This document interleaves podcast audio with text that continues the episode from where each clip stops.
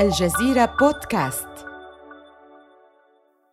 طوكيو في خريف عام 1993 يتفحص مصمم المنتجات الصناعية لسوني تيو غوتو بأصابعه نموذج ذراع تحكم الألعاب الإلكترونية الذي انتهى للتو من تصميمه. تظهر على وجه غوتو النحيل نظرة رضا وهو يفكر. أجل إنه هو ذراع التحكم المثالي لجهاز بلاي ستيشن قضى غوتو عدة أشهر في تصميم ذراع تحكم بلاي ستيشن إنها مهمة دقيقة حيث يعد ذراع التحكم هو الوسيط بين اللاعبين وبين عوالم الألعاب التي يخلقها بلاي ستيشن يجب أن يكون مريحاً وجذاباً كما يجب أن يتمكن اللاعبون من استخدامه دون أن تتحول أعينهم عن التلفزيون. وقبل كل شيء لا بد أن يلائم تصميمه الألعاب الثلاثية الأبعاد.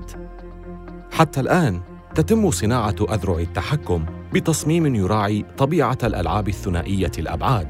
إنه تصميم مسطح مستطيل مصنوع من البلاستيك وكان هذا ملائما للألعاب الثنائية الأبعاد لكن بلاي ستيشن بحاجة إلى شيء مختلف. يحتاج بلاي ستيشن إلى ذراع تحكم يتيح للاعبين التحرك في كل الاتجاهات. والآن يفكر غوتو أنه قد وصل إلى ما يريد أخيراً. يهرع بحماس إلى مكتب عقل بلاي ستيشن المدبر كين كوتوراغي حاملاً أحدث تصميماته. خلال الأسابيع الماضية تشاجر هو وكوتوراغي حول التغييرات العديدة لذراع التحكم. كان كوتوراغي يرفض كل تصميم جديد يقدمه. هذه المرة يعتقد غوتو أنه قد نجح في مسعاه أخيراً. يبدو على كوتوراغي الارتباك وهو يمسك النموذج الإسفنجي. لم يكن هذا ما يتوقعه. وبدلا من ذلك بدا له الذراع الذي صممه غوتو أشبه بمقود دراجة بلاستيكي. يحيط كوتوراغي الذراع بيديه. حسناً. إنه يبدو مختلفاً تماماً. يلتف اصبعاه الخنصر والبنصر بحركة تلقائية حول المقبض لإحكام الإمساك بالنموذج. يتيح هذا لإصبعيه الوسطى والسبابة الوصول بسهولة للأزرار الأربعة على ظهر نموذج ذراع التحكم. ستتيح هذه الأزرار للاعبين تحريك الشخصيات لأعلى وأسفل. بينما يتحدث غوتو يلاحظ كوتوراغي أن إصبع الإبهام في كلتا يديه الآن غدا حرا كي يدير الأزرار في الجزء العلوي من النموذج. يمسك كوتوراغي النموذج في يديه للحظات ثم يقول لغوتو لا يعجبني لا يبدو سهل الاستخدام. عليك البدء من جديد إنه بعيد تماما عن المألوف. يريد الناس شيئا قريبا مما اعتادوا عليه. مستحيل لن أعيد تصميمه. إنه مثالي إنه كامل. لقد عملت على تصميمه لعدة أشهر. هذا هو ما نريد. حسنا لست أنت المسؤول هنا. أليس كذلك؟ إما أن تتخلص من هذا التصميم أو ترحل أنت. لا يرضخ غوتو للتهديد. ينتزع النموذج من يد كوتوراغي ويندفع خارجا من المكتب. يعرف غوتو أن هناك رجلا واحدا يمكنه إنقاذ تصميمه الآن. يلتقط معطفه متجها إلى مكتب رئيس سوني نوريو أوغا. لو أمكنه الحصول على دعم أوغا حسنا لن يكون لدى كوتوراغي خيار آخر سوى القبول بتصميمه لذراع تحكم بلاي ستيشن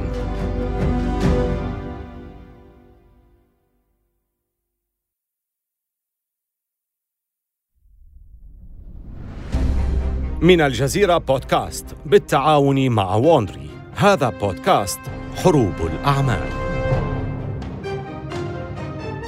وأنتم تستمعون إلى الحلقة الثالثة من سلسلتنا ذات الستة أجزاء نينتندو ضد سوني هجوم ناعم.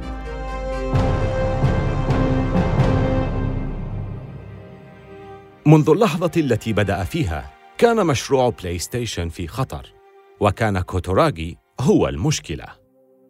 لسنوات كان دؤوبا ولم يتوانى في مسعاه لإطلاق بلاي ستيشن الأمر الذي كان يغضب الكثيرين داخل سوني. كان الكثيرون في الشركة سيفرحون برؤيته يفشل هو وجهاز تحكم الألعاب هذا. أناس مستعدون لفرش طريق كوتوراغي بالمعوقات. إنهم يكرهون مجرد فكرة تورط سوني في صناعة ألعاب الفيديو.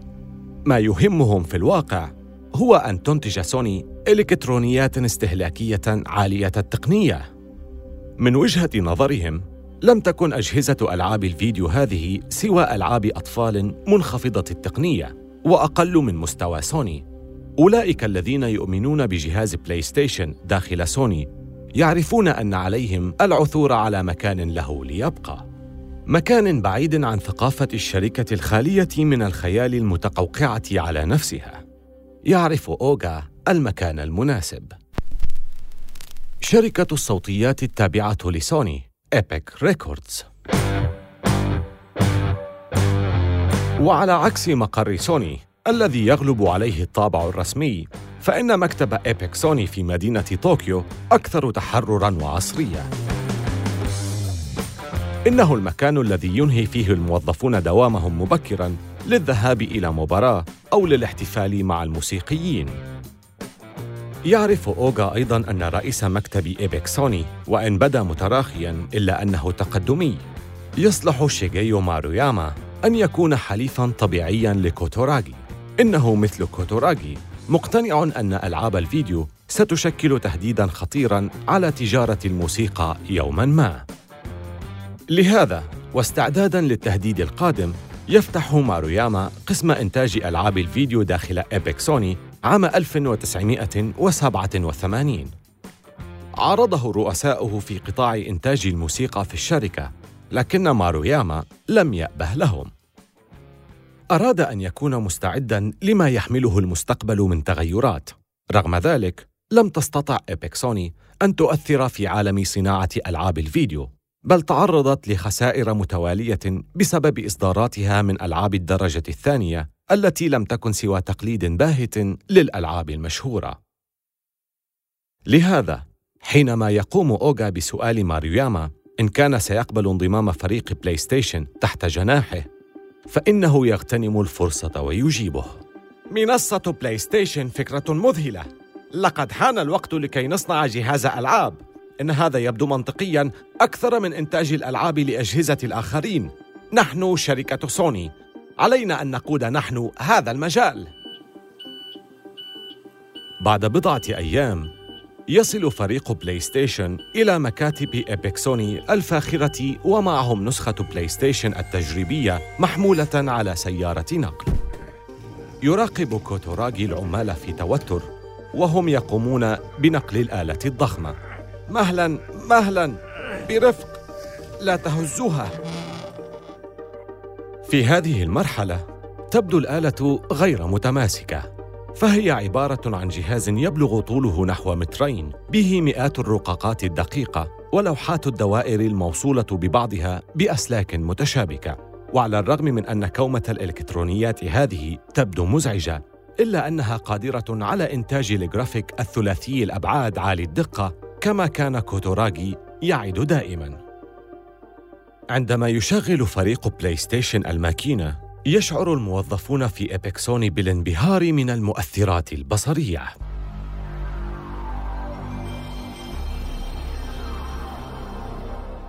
توقع ماروياما منتجا جيدا لكن هذا أروع مما تخيل. لا يسعه سوى التحدث بحماس عن الماكينة. مذهل يا كوتوراغي إنها رائعة! لقد بنيت آلة ستقضي على نينتندو. تبدو الألعاب حقيقية جدا بفضل مستوى الجرافيك الذي تقدمه. الآن أصبح واضحا لماروياما أن القفزة التي سيحققها الانتقال من عالم الألعاب الثنائية الأبعاد إلى تقنيات الجرافيك الثلاثي الأبعاد ستكون بحجم القفزة التي أحدثها دخول الصوت إلى عالم الأفلام. ولكن للوصول إلى هذه اللحظة الانتقالية فإن لديهم مهمة كبيرة في انتظارهم. عليهم أن يحولوا بلاي ستيشن من فوضى الأسلاك التي يبلغ حجمها حجم الثلاجة إلى منصة صغيرة في حجم جهاز مشغل شرائط الفيديو ولجعلها صغيرة ورخيصة بما يناسب الاقتناء المنزلي. تحتاج سوني مساعدة مصممي الرقاقات الدقيقة. لذا يبدأ كوتوراغي رحلة بحث بين شركات تصميم الرقاقات الإلكترونية لترتيب شراكة معها. يسأل الشركة تلو الشركة عن قدرتها على دمج مكونات نموذج بلاي ستيشن التجريبي الضخم إلى رقاقة دقيقة واحدة أكبر بقليل من قطعة بسكويت. ومرة تلو الأخرى يخبرونه بعدم إمكانية هذا. شركة واحدة فقط في وادي السيليكون بالولايات المتحدة توافق على قبول التحدي. في هذه الأثناء لا يزال فريق بلاي ستيشن في طوكيو مختلفا حول تصميم ذراع تحكم الجهاز. لعلكم تذكرون الآن أننا بدأنا الحلقة مع تيو غوتو وكوتوراغي وهما يتشاجران حول تصميم ذراع التحكم. يضع غوتو تصميما ثوريا جهازا على شكل مقود دراجة يخالف المتعارف عليه. لكن كوتوراغي يصر على أن الذراع بحاجة لأن تكون مألوفة للاعبين وأن تحاكي التصميمات المسطحة البلاستيكية التقليدية. يمسك غوتو بأحدث النماذج التجريبية ويهرع به إلى أعلى رأس في الشركة. يتجه مباشرة إلى مكتب رئيس سوني نوريو أوغا. في النهاية يلتقي غوتو بأوغا في مكتبه. يدخل غوتو ليجد أوغا جالسا خلف مكتبه الضخم المصنوع من خشب المهاجني محاطا بأشجار البامبو اليابانية القصيرة. آه سيد غوتو، أعتقد أن لديك شيئا كي تريني إياه. أجل، إنه تصميمي لذراع تحكم بلاي ستيشن. يمد غوتو يده في حقيبته، يخرج ذراع التحكم التجريبي الذي صممه ويضعه على المكتب. حينما يرى أوغا النموذج، تلمع عيناه. سيد غوتو، يبدو هذا جيدا. إنه يعبر عن شركة سوني. لقد أعجبني كثيرا. يستغل غوتو اللحظة. أنا سعيد بأن التصميم قد أعجبك سيد أوغا، لكن السيد كوتوراغي رفضه. إنه يريد شيئا مشابها لتصميمات أجهزة التحكم السابقة. حقا؟ هل رفضه فعلا؟ دع الأمر لي. بعد بضع ساعات يتلقى كوتوراغي مكالمة من أوغا. سيد كوتوراغي لقد رأيت لتوي تصميم السيد غوتو لذراع تحكم بلاي ستيشن أريدك أن تعرف أنني أراه مناسبا للغاية لكني سمعت أنك لا تريد استخدامه. أجل هذا صحيح. إنه مختلف تماما عن أجهزة تحكم الألعاب التي اعتاد عليها الجمهور. سوف يربك الناس. ما هذا الهراء؟ هذا التصميم سهل الاستخدام للغاية. من فضلك توقف عن الجدال وتبنى هذا التصميم. في الواقع هذا أمر. بأمر من سلطة أعلى لا يصبح لدى كوتوراغي خيار آخر. عليه أن يقبل تصميم غوتو والذي سيصبح قريبا جدا نموذجا يحتذى به.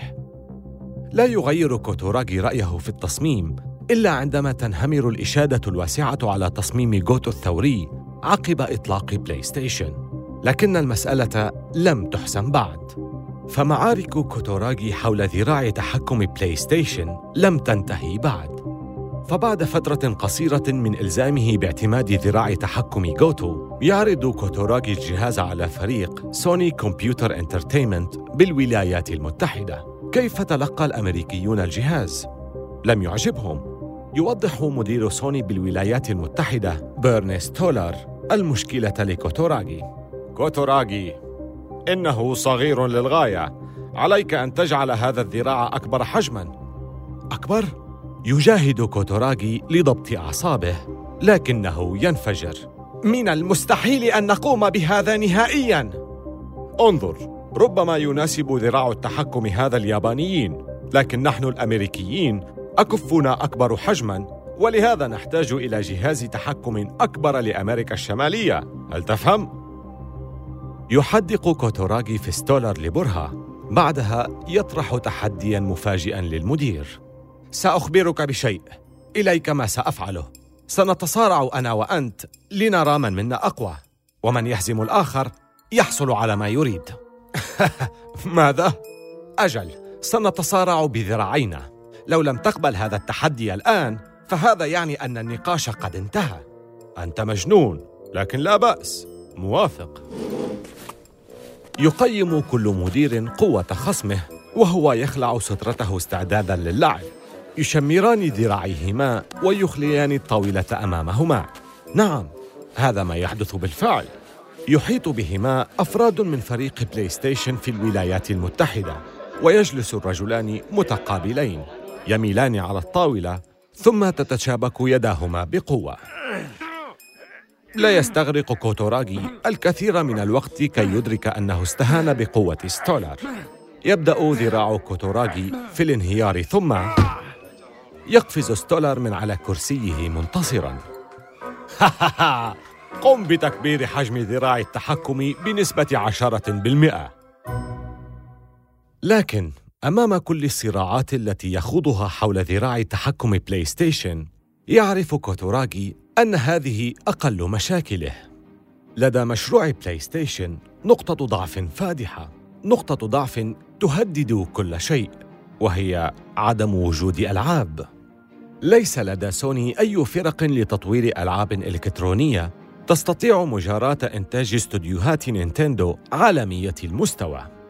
لو أرادت سوني النجاح في مجال ألعاب الفيديو، فإنها بحاجة إلى دعم مطوري ألعاب معترف بهم، وبدون دعم هؤلاء ستموت منصة بلاي ستيشن فور إطلاقها.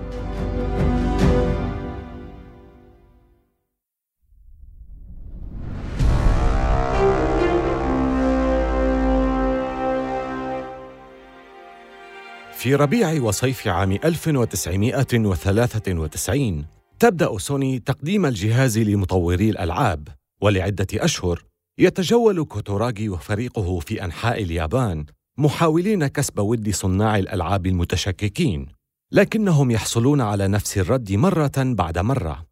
عليكم بيع ثلاثة ملايين جهاز حول العالم قبل أن نفكر في تصميم ألعاب خاصة لأجهزتكم. لكنها معضلة البيضة والدجاجة فبدون ألعاب يعد بيع ثلاثة ملايين جهاز حلما بعيد المنال. تبذل سوني أقصى ما تستطيع لإقناع صناع الألعاب ويبلغ التنازل ذروته حين يزور الفريق المقر الرئيسي لشركة كونيمي. كونيمي هي شركة إنتاج ألعاب إلكترونية ناجحة إنها الشركة التي تقف خلف أكثر الألعاب رواجاً. إنها الشركة التي أنتجت ألعاباً مثل لعبة الضفدعة التي تتفادى السيارات، فراغر. واللعبة المبنية على حكاية مصاصي الدماء، كاسلفانيا. ولعبة الإثارة التي يمكن أن يلعبها أربعة لاعبين، نينجا تيرتلز. يقضي كوتوراغي ساعة تقريبا في وصف مزايا بلاي ستيشن محاولا تسويقه إلى المدير الإداري لكونامي كازومي كيتاوا.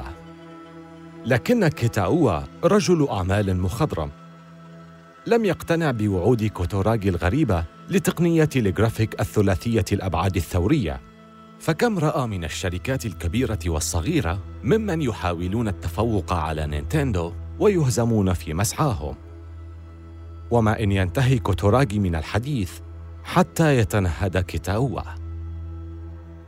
سيد كوتوراغي سنحتاج إلى مشاهدة بلاي ستيشن يحقق نجاحا قبل أن نبدأ في إنتاج ألعاب خاصة به. كان كوتوراغي يتوقع هذا الرد. لقد سمع نفس الأعذار المهذبة من قبل لكن ما سيقوله كيتاوا بعد ذلك سيصدمه. سيد كوتوراغي دعني أعطيك نصيحة. نحن في كونيمي مررنا بما تمر به. كنا سنبني جهاز ألعاب.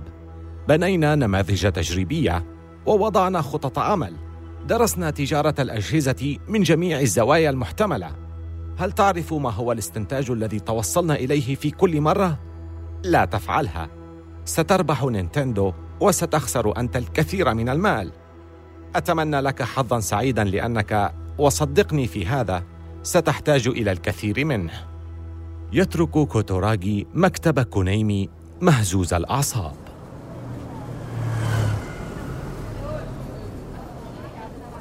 ومع عودته إلى شوارع طوكيو الصاخبة لا يسعه إلا أن يتساءل عما إذا كان كيتاوا على حق. ماذا لو كان بلاي ستيشن مجرد خطأ فادح؟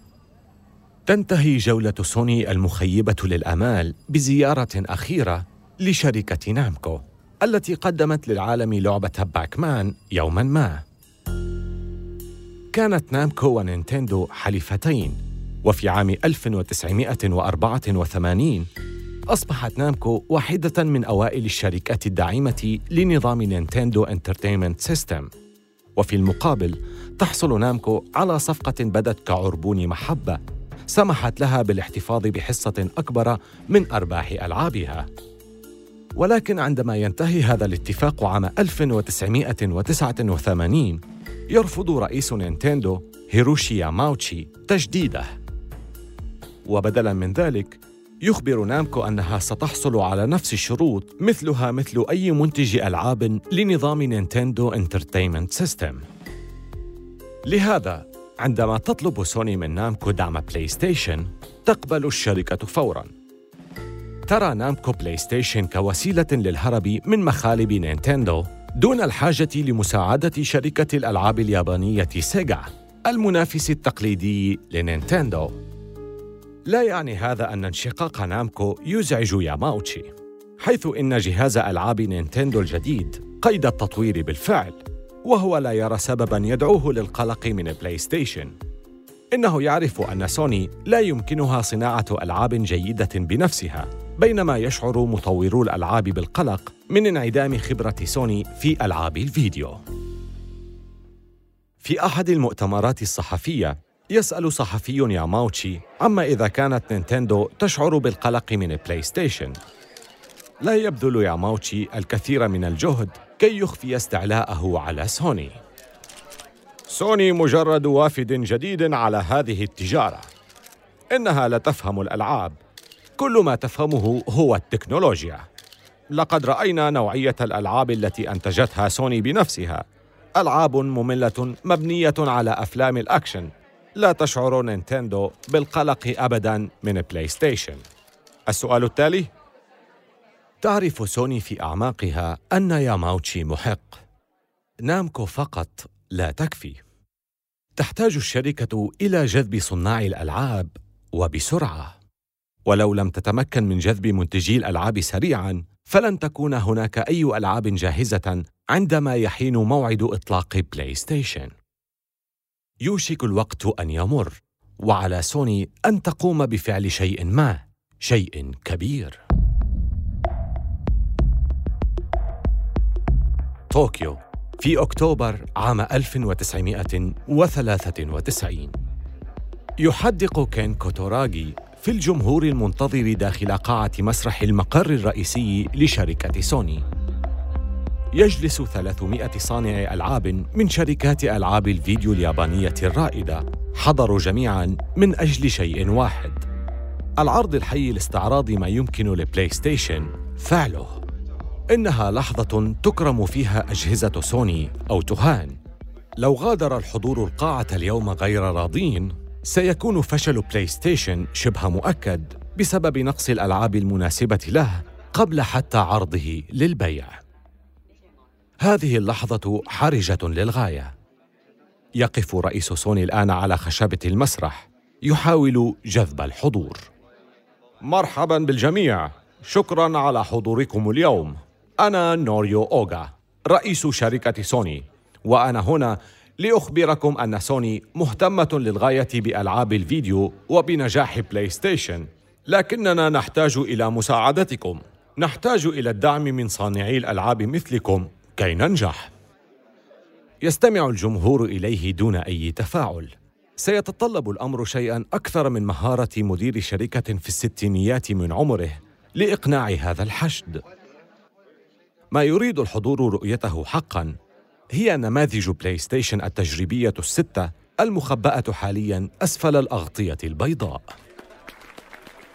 مع نزول أوغا من على المسرح إثر تصفيق يخلو من الحماس يهرع كوتوراغي إلى نماذج بلاي ستيشن التجريبية وينزع الأغطية البيضاء عنها بعدها يواجه كوتوراغي الجمهور.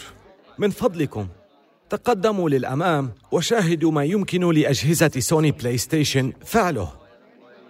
يترك مطورو الألعاب مقاعدهم ويتجمهرون حول أجهزة بلاي ستيشن وشاشات التلفزيون الموصولة بها. يقوم فريق سوني حينها بتشغيل الأجهزة. تظل الشاشات مظلمة بينما تصدر موسيقى تصويرية تنذر بالسوء.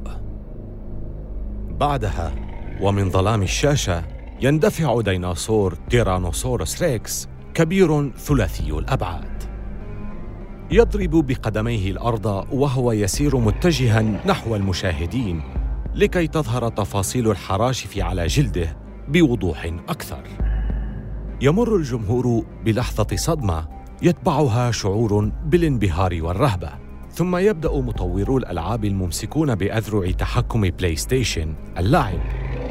يستجيب الديناصور لضغطهم على أزرار التوجيه إلى اليسار ثم إلى اليمين ثم إلى الخلف والأمام ضغطة زر أخرى تدفع الوحش لفتح فكيه على اتساعهما مظهرا فما مملوءا بأسنان حادة كالسكاكين أزرار أخرى تعدل من زاوية الرؤية لكي تسمح للجمهور بفحص الزوايا المختلفة لهذا الديناصور الافتراضي الذي صنعته سوني. لا يصدق المطورون ما يرونه. إن قدرات جرافيك بلاي ستيشن ثلاثية الأبعاد هي كل ما وعد به كوتاراغي بالفعل. فلم يكن يتوقع أي من الحاضرين أن يتمكن بالفعل من تحقيق ذلك. لم يقدم أي جهاز ألعاب من قبل مؤثرات ثلاثية الأبعاد بهذه الجودة. يمكن لبلاي ستيشن أن تحجز لها مكاناً الآن في صالات الألعاب. يعود المطورون إلى شركاتهم لإخبار زملائهم عما رأوه هذا الصباح. في اليوم التالي لا تتوقف الهواتف داخل سوني عن الرنين. تتصل شركة ألعاب تلو الأخرى طالبة المزيد من التفاصيل حول بلاي ستيشن وآلية التعامل معه. ولا تقل جاذبية عروض التسويق التي يقدمها موظفو المبيعات في شركة سوني عن مستوى الإبهار الذي حققه العرض التقني، حيث يقدم الفريق عرضه على النحو التالي: أجل يا سيدي، سيكون إنتاج الألعاب لبلاي ستيشن أقل تكلفة، لأن الأقراص المدمجة أرخص وأسرع في الإنتاج من أشرطة الألعاب التقليدية. سيكلفك إنتاج القرص المدمج ستة دولارات فقط مقارنة بتكلفة إنتاج أشرطة ألعاب نينتندو التي تبلغ 30 دولارا. هذا الفرق الأقراص المدمجة ضد الأشرطة التقليدية. سيكون محوريا في نهاية المطاف إلا أن موظفي المبيعات لم يعرفوا هذا بعد. يمكننا مع الأقراص المدمجة طرح المزيد من الألعاب في الأسواق في غضون أسبوعين أما مع الأشرطة فسيتعين عليك الانتظار من شهرين إلى ثلاثة أشهر. لا تتوقف إغراءات موظفي مبيعات سوني لشركات الألعاب عند هذا الحد. أجل يا سيدي أجل. نفرض أيضا رسوما أقل على كل لعبة يتم بيعها مقارنة بنينتندو. كما أننا نبني مكتبة من الأكواد الجاهزة والتي ستوفر على فرق بناء الألعاب الخاصة بكم شهورا من العمل. وليكتمل العرض. يخبر ممثلو سوني شركات الألعاب أن بلاي ستيشن ستستهدف الشباب وليس الأطفال. نريد أن نكسب في صفنا الشباب الذين كبروا وهم يلعبون ألعاب الفيديو في الثمانينيات، لديهم دخل مادي يمكنهم إنفاقه على الألعاب، لكن الشباب غير مهتمين بالألعاب الكرتونية البسيطة، إنهم يريدون ألعابا للبالغين، لهذا السبب وعلى عكس نينتندو لن نصر أن تكون ألعابكم ملائمة للعائلات. في خلال الأشهر التي تلت استعراض ديناصور ريكس يوافق الكثير من موزعي الألعاب ممن كانوا مترددين سابقا في صناعة ألعاب خاصة ببلاي ستيشن لقد تم إبطال نقطة ضعف بلاي ستيشن الكبرى. مع قدوم الألعاب التي تحتاجها بلاي ستيشن بشدة الآن تصبح سوني مستعدة لبدء القتال. تعلن سوني أن هجومها على سوق ألعاب الفيديو سيبدأ في ديسمبر عام 1994 عندما يتم طرح بلاي ستيشن في المتاجر اليابانية. لا يعني هذا أن رئيس نينتندو هيروشي ياماوتشي يشعر بالتهديد، فحينما سأله صحفي بإحدى الصحف إذا ما كانت نينتندو تشعر بالقلق بسبب بلاي ستيشن يضحك ياماوتشي لا لا لا أشعر بالقلق على الإطلاق. ستفشل سوني. من السهل الحصول على الكثير من الألعاب السيئة. كان لدى شركة أتاري الأمريكية الكثير من الألعاب السيئة على أجهزتها. وانظروا ما الذي حدث لهم. ما يريده اللاعبون هو ألعاب رائعة. ولا أحد يجيد صناعة الألعاب أفضل من نينتندو. أعتقد أنه مع حلول الصيف ستكون بلاي ستيشن طي النسيان. في الصباح التالي يقرأ مدير الإعلانات بشركة سوني تعليقات ياماوتشي. يستشيط غضبا يكور الصحيفة بين يديه ويلقي بها على المكتب ويصرخ هذا الرجل المغرور سنريه. لكن قبل أن تتمكن سوني من فعل هذا عليها اولا تجاوز أكبر منافسي نينتندو سيجا. في الحلقة القادمة. ومع طرح بلاي ستيشن أخيرا في الأسواق تجد سوني نفسها تكافح للحاق بشركة سيجا. آمل أن تكونوا قد استمتعتم بهذه الحلقة من حروب الأعمال. استمعوا إلى حلقاتنا عبر Apple Podcasts و Google Podcasts وشاركوها مع أصدقائكم. ولا تنسوا زيارة موقعينا على الإنترنت podcast.aljazeera.net و وملاحظة سريعة حول المحادثات التي سردناها. لا يمكننا أن نعرف بالضبط ما قيل ولكن هذا الحوار مبني على أفضل الأبحاث التي قمنا بها. هذه السلسلة من حروب الأعمال قدمها في نسخة اللغة الإنجليزية ديفيد براون وكتب القصة تريستيان دونوفان مؤلف كتاب Replay: The History of Video Games. محررة النسخة الإنجليزية وكبيرة المنتجين هي كارين لوي وجيني لوير منتجة وقام بالهندسة الصوتية جوناثان شيفلت والمنتج المنفذ هو مارشيل لوي. أخرج السلسلة هيرنان لوبيز لصالح شبكة وونري.